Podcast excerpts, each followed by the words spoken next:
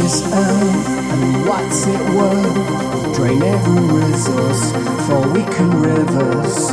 It's you and I until we die. Search for your weakness, it is our sickness. Becoming more immune to any suffering. Plus, we are stronger to go on longer But what's the consequence? Our life was in our hands. We took another cause they were weaker. We have affection for a time that came before. Why don't we see it? We live in secret. Just post the things that do provoke reaction to small attention. It's our obsession. Whatever happened to the learning that we do? If we were honest, there'd be no contest. On broken glass we stand, our actions in our hands should be the meaning that we are seeking.